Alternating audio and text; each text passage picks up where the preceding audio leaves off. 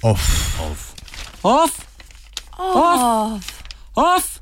Off. Off. Off komentar.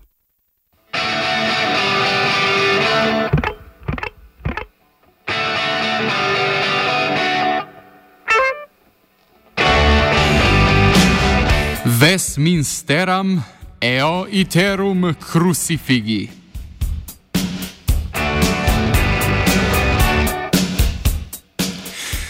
V Westminster, da me zopet križajo, bi se glasil svetopisemski odgovor Jeremija Corbina na Kuo Vadis, ki mu ga je v naslovu komentarja izpred dveh tednov zastavil Igor Jurekovič. Današnja kontrakritika predsednika britanskih laboristov na vkljub povodnemu poigravanju nikakor ne želi slikati kot kakršnega koli odrešenika, njen cilj je predvsem preizprašati argumentacijo Jurekoviče kritike in politično logiko, iz katere izhaja.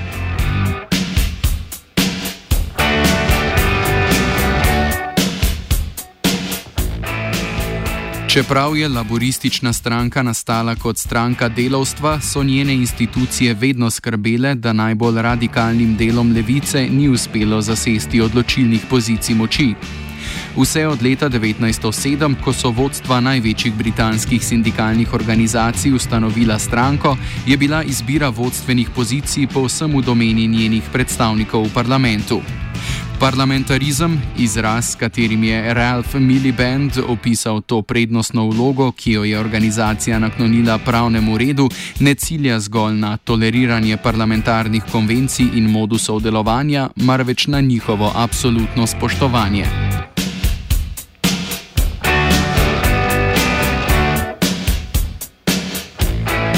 Sindikalna vodstva, katerih primarni namen pri ustanovitvi stranke je bil pridobitev parlamentarnega zastopstva, so bila prav tako povsem predana tej strategiji. Potencijalni izvor napetosti je bil tako ugrajen v strukturo organizacije že od samega začetka.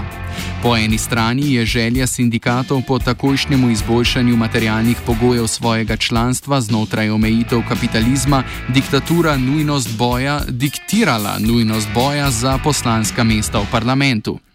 Po drugi so povezave z organizacijami industrijskega delovstva, ugrajene vse nivoje strankinega delovanja, ustvarile potencijalni prostor za radikalne zahteve in boje, ki so prej spraševali samo naravo in obstoj kapitalističnega produkcijskega načina.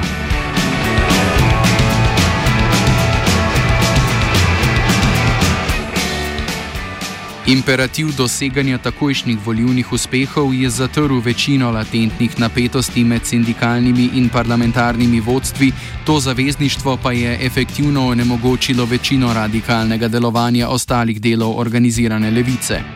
Znotraj stranke je organsko prišlo do polarizacije na laboristično levico in desnico, odnos v katerem so zahteve levice na koncu vedno popustile diktatu volivne uspešnosti in enotnosti.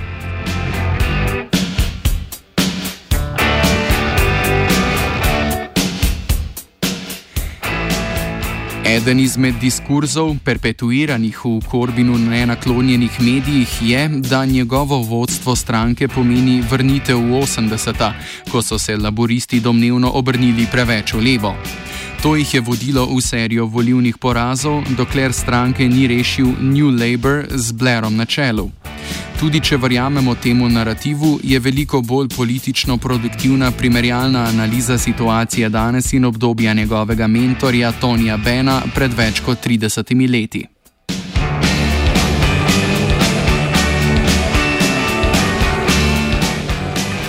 Ben je svoje kampanje in poskuse reform izvajal v trenutku, ko so neoliberalni prijemi šele začeli povzemati britansko politiko.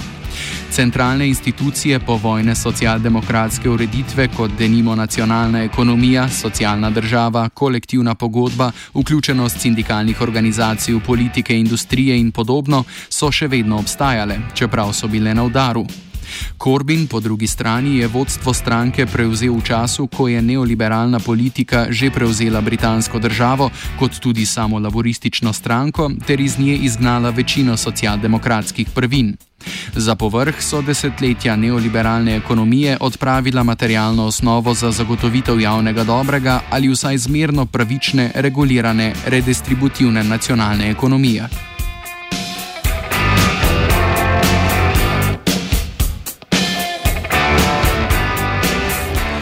Kratkoživ politični uspeh Edvarda Milibanda, ki je prekri, prekinil dominacijo New Labourja, a je zapadel v ustaljene socialdemokratske tirnice, lahko služi kot potrditev te teze. Korbin je prvi, ki se je kombinacije teh materialnih pogojev in strankine strukturne tendence k par parlamentarizmu lotil s politiko, ki je vlogo levice na novo artikulirala na vkljub opisanim pogojem in zgodovinsko inercijo, ne zaradi njih.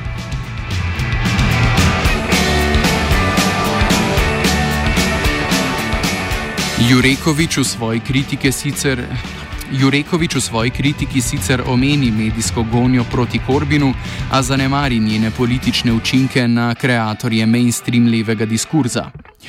V medijski krajini, kjer je Korbinu naklonjen zgolj marginalen levi tisk tipa Morning Star, glavni učinek projekta Strah ni prepričevanje tiste javnosti, ki že v izhodišču ni naklonjena laboristom pod Korbinom. Njen cilj je na svojo logiko zvesti levi pol komentarjata, ki se na to na mesto s kritiko pogojev, s katerimi je levi pol laboristov soočen, ukvarja z izvedljivostjo njihovih politik in uvedb pod temi pogoji. Ta del javnosti na to v imenu kritike iz leve producira obstoječe kontradikcije tako znotraj laboristične stranke kot na, ob, kot na občem polju političnega boja. Obrat iz leve proti sredini, ki ga je v poročanju in analizi laboristov po Brexitu izvedel ljubljenček britanske levice Owen Jones, je denimo eden izmed bolj vidnih simptomov omenjene logike.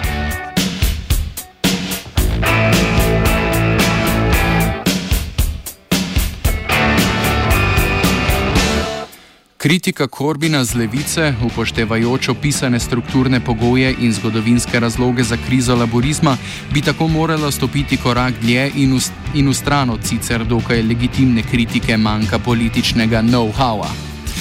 Gotovo bi moral kot vodja stranke z ekipo bolj ostro in odločno nastopiti proti desnemu polu stranke in levega poenotiti, čeprav ni zagotovila, da bi to samo na sebi pripomoglo k javnomnenjski uspešnosti Labourja kaj šele, da bi odpravilo strankine interne kontradikcije. Tega bi se moral lotiti z reformnim projektom, kakršnega stranka ni videla že vsaj zadnjih 30 let. Glede na čas in pogoje, v katerih je Korbin prevzel stranko, pa se to zdi še kanček bolj nerealistično kot pričakovati, da bo vnos nove paradigme v laboristično politiko v letu in pol porodil volivno zmago.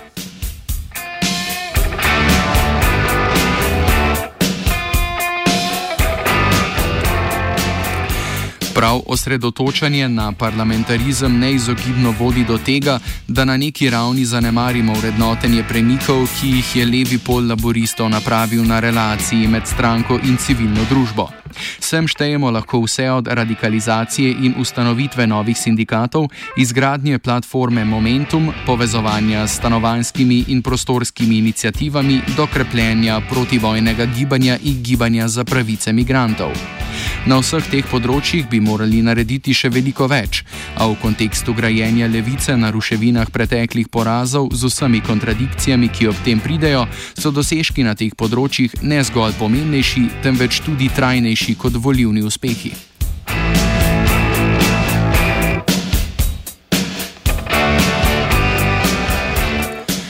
Glede na to, da je Theresa May danes oznanila predčasne volitve v Veliki Britaniji 8. junija, bo na vkljub zapisanemu vprašanje izvolj izvoljivosti ostalo dominantni faktor, po katerem se bo ocenjevalo Korbinovo sposobnost.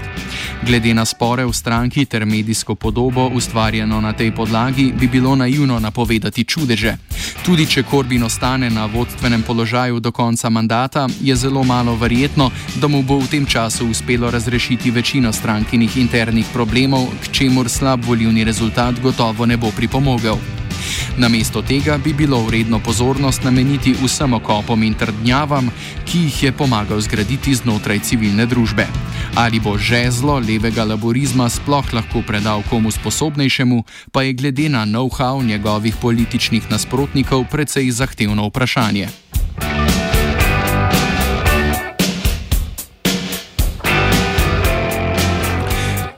Kontrakomentiral je Vitežnik.